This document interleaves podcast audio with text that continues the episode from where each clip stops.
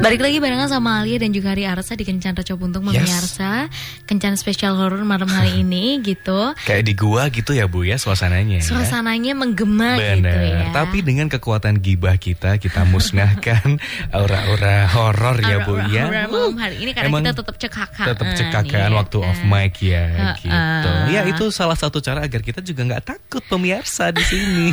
Karena kita ada di lantai tiga Tiga, cuman berdua di sini. Cuman berdua Aduh suasananya panas di Uh, sini uh, ya karena Aku memang nyalain dulu AC-nya Oke. Oke pemirsa untuk yang segmen kali ini kita akan mulai menyapa pemirsa yang sudah berani bergabung ya Alia ya untuk menceritakan pengalaman-pengalaman yang pernah mereka rasakan yang Yes. berhubungan sama teman-temannya Alia. Teman-temanku juga berarti ya. Iya, Ya, itu satu kita komunitas ya. kita, Iya benar. ya kan? Nah, ini karena sudah ada Ada di WhatsApp tadi ya Oke. Sama juga ada di Wow. Ini Tambah yang tadi bukan banyak, sih iya, Oh, Yang tadi. Ada lagi nggak selain ini Oke, kayaknya di SMS tadi ada ya. Di SMS ada Oke kita mau bacain yang Oke. mana dulu nih Kayak Ri? kita yang SMS dulu aja karena ada Boleh. korelasinya sama kisahnya Alia Yang tadi udah Alia ceritain ya. Yuk. Oke, betul. Yang baca Ari ya Oke deh yang pendek-pendek aja ya. Cheers Emang bunyinya gimana sih?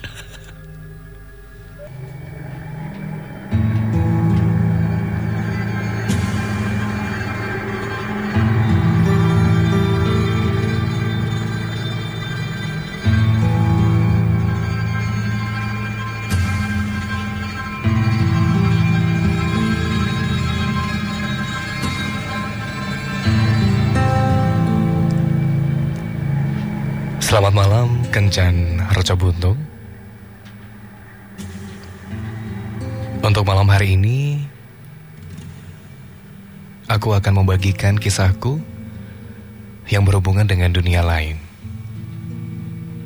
Ketika dulu aku masih bersekolah, entah kelas 3 atau 4 SD, sekolah dasar.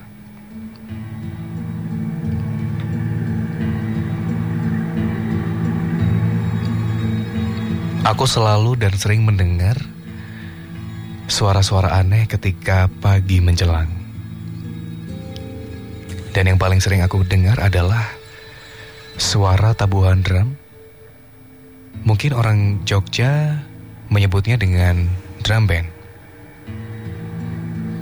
Ketika pagi hari, ketika matahari belum keluar, suaranya kadang keras dan kadang sayup-sayup aku dengar.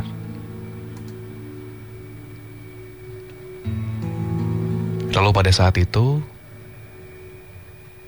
aku melihat orang Jawa menyebutnya adalah pedut pagi atau cahaya ketika matahari muncul dengan disertai kabut.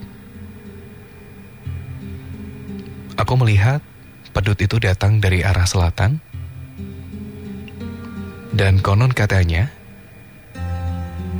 kabut atau pedut itu adalah prajurit yang menuju ke kerajaan utara yang berangkat dari kerajaan selatan.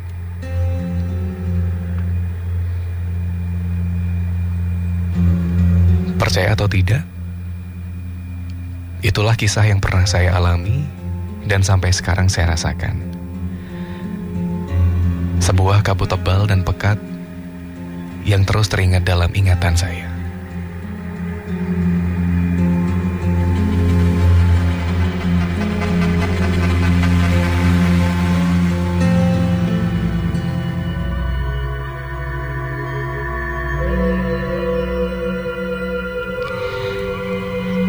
Nyambung sama cerita aku tadi Benar, ya benar, tentang uh, beberapa jalur yang digunakan oleh mungkin bergodo Betul. untuk menuju dari selatan ke utara. Ke utara. Gitu. Ceritanya eh, cerita dari Bu Mar tadi barusan juga mungkin itu ya. Itu kalau Hmm. mitos yang Alia tahu itu di pagi hari atau malam hari atau sore hari? Eh, kalau untuk waktunya sih sebenarnya nggak nggak Nggak tentu. nggak tentu. Sesuka gitu. mereka aja kali ya, Bu, ya. Sebutuhnya mungkin Iya, kali ya gitu dan itu juga jalurnya tuh nggak nggak tentu. Ada Mhm. bilang yang itu di jalan, ada juga nggak. Maksudnya itu mungkin dulu memang jalurnya gitu ya, Mhm. tidak hanya di sungai saja gitu, tapi di beberapa jalan, Mhm. beberapa ruas jalan di daerah istimewa Yogyakarta ini juga kon katanya sering terdengar suara seperti drum band, tapi Mhm. eh, bukan drum band yang dung bukan yang drum band yang modern kayak gitu Hmm, tapi tabuhan drum band yang zaman dulu tabuhan ya. yang bergodo kayak gitu istilahnya drum band drum band ala ala bergodo gitulah ya kayak Hmm. gitu gitu sih Ri itu tadi ceritanya hampir mirip kayak gitu mungkin Ya, yang dimaksud merinding sama ya. Oke. mm. merinding bulu kuduku Ah, dangdutan gimana tuh? Coba yang kita sapa nih hah? yang bergabung malam hari ini. Ah, ah. Siapakah yang menelpon kita malam hari ini? ayo Coba, halo Kencan, selamat malam. Selamat malam. Waduh, Meteni, dengan siapa di mana ini Pak? Selamat malam Mbak Alia dan Mas. iya selamat Selamat malam malam. Pak Ini dari Michelle di Tarik. Oh, Pak Misael, apa kabar Pak? Ya baik-baik. Yang Mau ini ya, sering bergabung di Wartanada ya Pak ya? Ya ya ya. Wah, monggo Pak, mau ada cerita apa nih? Bukan cerita bunyi-bunyian tapi cerita legenda. Oh Surabaya. boleh. oh iya apa Gimana, aja gimana boleh tuh, Pak? deh Ah, singkat saja. Saya, saya ini berasal dari Surabaya. Mm-mm. Oke. Lalu pada tahun 55 itu ada cerita begini. Ada malam minggu di bulan Desember itu ada undangan ulang tahun. Hmm, Itu tahun berapa Pak? lima lima Oh 55. Tahun 55 ya. Kurang lebih tahun 55. Oke. Nah, di, di Surabaya pada tahun itu itu masih banyak orang-orang Belanda. Hmm. Oh, undangannya itu di suatu restoran. Mhm. Ini ada salah satu pemuda katakan saja namanya Bobby. Mhm. Itu eh, orang tuanya tidak bisa datang lalu diwakilkan oleh Bobby ini. Mhm. Nah, dia datang ke pesta itu di suatu restoran. Kalau dulu namanya ballroom dance ya. Hmm, Ballroom dance ya Pak ya? Ah, ya itu. nah itu ya apa ya biasa pesta ulang tahun lalu setelah makan-makan lalu pada dansa segala macam. Mm-mm. Nah si Bobby ini duduk sendiri karena dia nggak punya partner kan duduk Mm-mm. kerja. Nah pada suatu saat dia ngelihat ada cewek pakai baju putih, pakai rok putih terusan itu, Mm-mm. kemudian eh, di dadanya itu ada mawar, mawar merah itu. Hmm. Itu Ya, teman cep Pak, mawarnya. Eh, ya di di pakaiannya itu ada. Oh, di pakaiannya, oke. Oh. Lalu dia deketin cewek itu, cewek itu eh, namanya Mary. Dia Hmm. deketin lalu. Belanda Pak Noni Eh, iya agak tengah-tengah Belanda gitu. Hmm. Oh. Kayak Alia ya? Ya dia datang deketin, boleh saya duduk sini? Oh silakan. Nama saya Bobby, Anda siapa? Oh saya Mary. Akhirnya kenalan. Akhirnya mereka berdua langsung Mm-mm. eh, apa ya bercanda sebentar. Lalu Mhm. diajak berdansa sama Bobby. Hmm. Nah setelah beberapa saat berdansa kembali lagi ke mejanya. Mm-mm. Itu minuman di zaman dulu itu kan namanya limun mas. Iya. Mm-mm, limun Limun ya, Iya. FN tuh.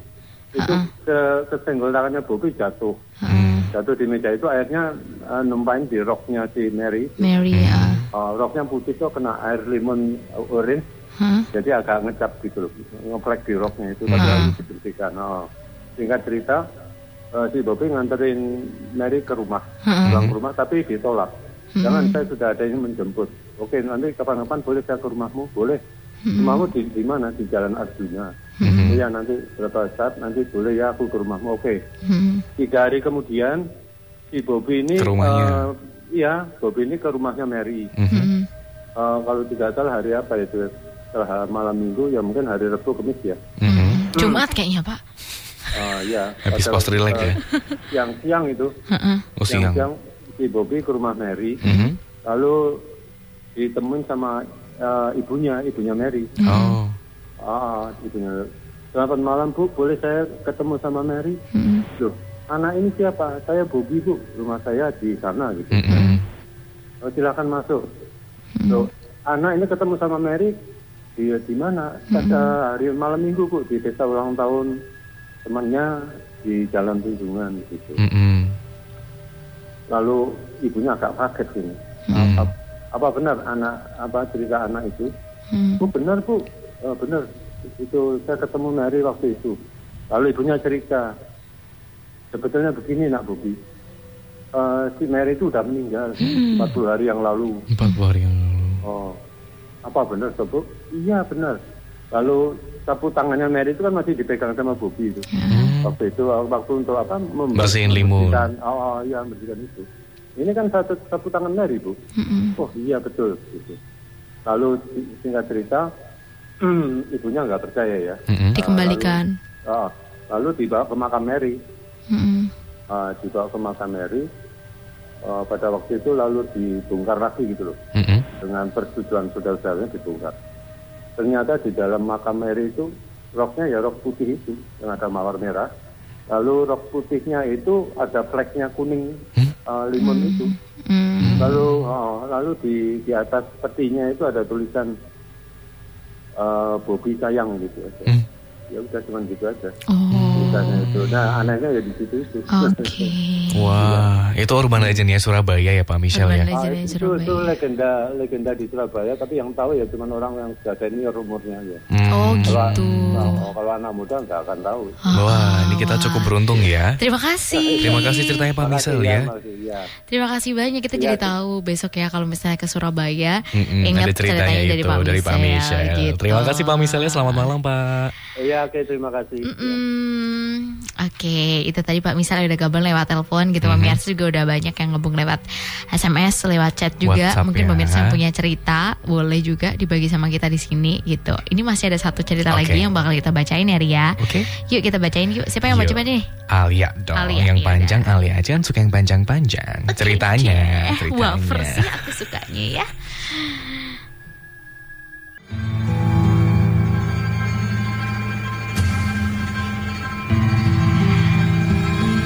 Selamat malam Mas Ari dan Mbak Alia. Ini dari Bunda Yanti yang ada di Condong Catur. Peristiwa ini saya alami sewaktu masih SD. Saat itu saya tinggal di salah satu kampung di wilayah kota Yogyakarta. Persis, persis di depan rumah saya didirikan sebuah sekolah dasar negeri. Ketika membangun sekolah itu banyak terjadi kejadian yang aneh. Kebetulan Simbah dulu menjadi penjaga malam di sekolah tersebut. Pernah saat itu saya dan Simbah melihat orang yang berjalan lembehan tangan dan setelah ditegur oleh Simbah dirinya menjawab bahwa dia adalah korban dari kecelakaan. Pernah juga ada kejadian aneh. Penjual bakso dicegat oleh dua orang perempuan untuk beli bakso. Dan betapa terkejutnya ketika uang yang digunakan untuk membayar bakso adalah daun teh-tehan. Memang sebelumnya sekolah itu adalah bekas makam. Dan kejadian-kejadian aneh ini pun banyak terjadi saat pembangunan sekolah. Dan bahkan selama pembangunan sekolah tersebut banyak yang menjadi korban. Dalam hal ini korban meninggal dunia. Dari mulai si mandor sampai dengan salah satu siswa yang saat itu tidak sengaja terjatuh dan akhirnya meninggal. Dan kejadian-kejadian ini masih teringat sampai sekarang di benak saya. Saat ini usia saya 56 tahun. Dan ketika sekarang anak saya saya ajak pulang ke kampung tersebut lewat tangga di sebelah timur. Dirinya mengatakan bahwa ada seorang nenek yang memiliki wajah yang cukup menyeramkan. Tapi ketika lewat di sebelah barat, ada seorang nenek yang wajahnya baik. Dan anak saya inilah yang ternyata memiliki kemampuan untuk berkomunikasi dengan makhluk-makhluk astral.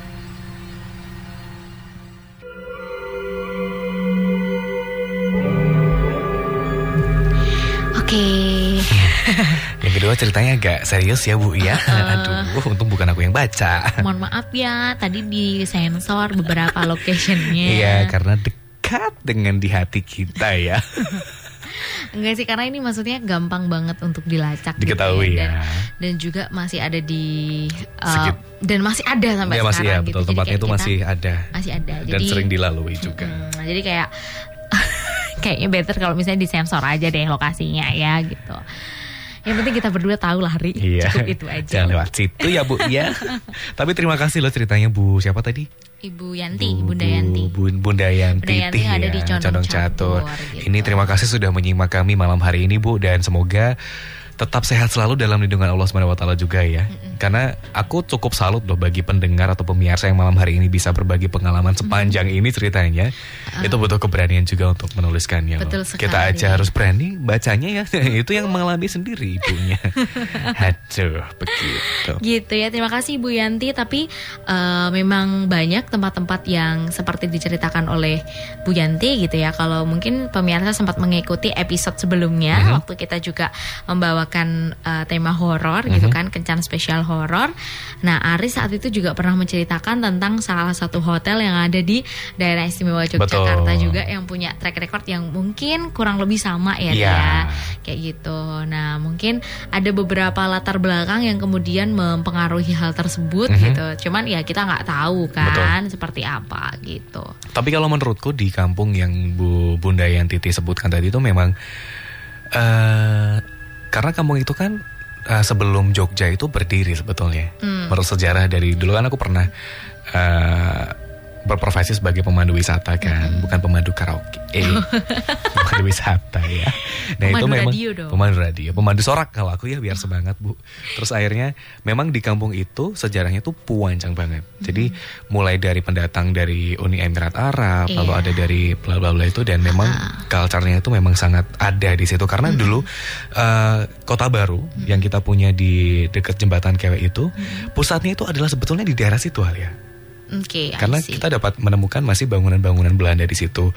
Ada gereja juga di situ yang itu cukup tua, salah satu gereja tertua di Jogja itu di situ. Karena itu adalah pusatnya, kayak misalnya itu pusat pemerintahnya di Pusat sana. peradaban gitu ya, Terus kayak ah, gitu pusat ah, perkampungannya mereka tuh di situ. Hmm. Jadi memang sudah dari zaman dulu. Mungkin kalau menurutku kampung itu lebih tua usianya daripada usia Jogja. usia Jogja. Jogja gitu. kan 280 kalau nggak Iya, salah ya. karena dulu ya sejarahnya Alas Mentau dan lain Nah, sebagainya itu ya. itu. Nah, Hmm, itu- Jadi itu sebenarnya sudah ada perkampungan di situ Betul. gitu dan, Dan dulu juga ada di Belanda-Belanda di juga. dekat daerah Kota Baru ya. Heeh. Di jembatan Kewek itu ya. Betul, karena kalau Kota Baru itu dia dulu sentra itu adalah eh, kantornya, jadi kayak gedung putihnya zaman dulu. Hmm, nah terus benar-benar. yang di daerah situ, oh, yang di situ itu adalah residennya bagi si gubernur-gubernur itu dengan keluarganya. Hmm, I see. Namun di sebelah kulonnya, sebelah baratnya itu datanglah saudagar-saudagar dari Uni Emirat Arab untuk berdagang di situ. Makanya sebetulnya kampung itu berasal dari bah- salah satu bahasa Islam yang tadi dia sebutin. Betul nah sekali. itu tadi. Gitu. Nah sebenarnya sebenarnya itu sih eh, kampung itu memang sudah cukup lama. Cuman aku baru tahu ceritanya ini, gitu sih. Dan Karena kalau kan- nggak salah memang di wilayah sini ya pemirsa itu adalah wilayah di mana kemudian saat itu banyak pendudukan Belanda. Iya. Gitu. Makanya ada beberapa kalau pemirsa perhatikan sampai sekarang di Jogja itu kita bisa telusur beberapa tempat, beberapa jadi kayak mengelompok gitu ya. Iya. di situ kawasan pemukiman Belanda. Belanda, kawasan pemukiman Cina, Mhm. kawasan pemukiman uh, Arab dan betul, lain sebagainya betul, betul, kayak betul, gitu. betul. Jadi itu bisa dilacak bisa dari situ. ditemukan. Kayak nah, gitu kayak aku ada turunan Belanda juga kan. Aku sih iya tadi kan aku Belanda gitu emang rada blasteran. Blasteran gitu. ya, Belanda Gunung Kidul gitu ya, Bu, ya. Bukan. Bukan. Ayam lehor ya kan. ampun, dibakar dong Ah, ya. jadi Kayak gitu. Getibel ya kan. Pantatnya gedibel. Disuntik ya Bu ya. Aduh ternyata memang cukup menarik banget ya. Kita meng- eh, kita membicarakan topik ini sekali lagi kita tidak apa ya tidak aneh-aneh lah bermaksud tidak bermaksud aneh-aneh untuk membicarakan topik ini tapi hanya untuk seru-seruan aja. Betul juga. Seperti itu. Siapa tahu mungkin yang berani cerita malam hari ini eh, sebelum-sebelumnya belum berani cerita sama siapa pun, jadi mungkin bisa lebih sedikit lega juga gitu ya Alia ya ketika Karena cerita sama menyimpan kita. itu mungkin beberapa waktu yang Oh, cukup oh, lama kayak betul. gitu kan dan itu juga bisa menguap menguap menguap, menyuplim, menguap menguap. menguak urban-urban legend yang mungkin belum diketahui oleh para Nah, milenial betul. gitu. Jadi Kayak- nggak salah nih buat kita tahu juga. Mm-mm, Jadi biar kita tuh ya. milenials tuh nggak sembrono di Ya, sembarang di tempat sembarang gitu loh. tempat. Karena kadang kan banyak nih kasus-kasus yang kemudian kayak kita sembrono Mhm. berbuat tidak tidak senonoh di situ Betul. ya kan. Terus akhirnya terjadilah sesuatu. Kejadian-kejadian nah, itu ya. itu bisa jadi uh, bisa membuat meningkatkan awareness dari Mm-mm. para milenials Betul. untuk lebih sopan lagi karena Jogja ini kan salah satu tempat juga yang bersejarah Ya. dan punya sejarah panjang juga. Setiap sudutnya itu punya cerita sendiri ya dan harus hati-hati. Itu sih yang ingin Hmm. Makanya kita sampaikan dia, pemirsa ya malam hari ini ya. Yes. Walaupun memang butuh keberanian juga sebetulnya ya untuk Karena siaran malam hari ini. malam Minggu Kliwon. Kita belum Gitu. moving ke belakang. Coba kalau Iya. misalnya kita moving ke belakang tanggalnya kita bisa kelihatan. Benar gitu ya semoga niat kita kan beribadah ya menghibur bekerja semoga ya yang menyimak malam hari ini juga bisa mendapatkan sisi positifnya dari apa yang Yes. kita bagikan malam hari ini. Betul sekali. Untuk cooling down nih Ale kita akan mendengarkan lagu yang sudah kita siapin ya tadi ya. Ah, ini memang ya. belum Bu. Apalane kok mongko Aku nggak ya. sabar pengen jadi Jasmine soalnya. Oh, Jasmine teh. Ini udah ada. Tambah es batu. Ini udah ada red carpetnya. Oh iya, red carpet. red carpet, Ya. mid gala. atau-. Kita akan mendengarkan lagu yang cukup lawas tapi masih enak didengar Apa? nih. Ini dulu lagu aku dengerin ketika aku TK Alia. Ah, ah, apa? Kamu tahu? Bukan. Apa sih? Itu loh Anglia Numpa. Bukan. Lagunya barat kalau jam segini ya, Bu ya. Anglia itu biasanya itu adalah itu adalah parapannya Aji ya kan Aji? Mas Agus Beji Oh iya, untuk Anglia. Alia jadi Anglia numpak perahu layar. Ya sudah kita dengerin Mandy Moore aja ya. Terima kasih untuk pemirsa yang sudah setia bersama Ari dan juga Alia malam hari Betul. ini dengan Chandra Cobuntung spesial horor. Nah, walaupun horor tapi tetap bahagia semoga ya. Hmm, gak bikin takut malam hari ini semoga bisa tetap tidur nyenyak gitu. Amin. Kalau takut bayangin kita berdua Iya, aja. pasti tambah serem. Enggak. Jangan jangan bayangin kita berdua. Besok malam minggu kita bakal ketemu lagi pemirsa insya Allah Oh gitu ya. iya. Iya. Iya nggak lah. sih? Iya, Kayaknya- semoga masih bisa bertemu gitu kita akan ya. membawakan tema cinta dan Mm-mm, kasih primbon nih ya. Bukan ya. Cinta oh kasih Bukan, sayang cinta dan ya. kasih sayang saja, Baiklah. Oke. Kalau gitu saat ini kita berdua harus pamitan. Saya Lenova. Saya Yarsa pamit. Wassalamualaikum warahmatullahi wabarakatuh dan permisi.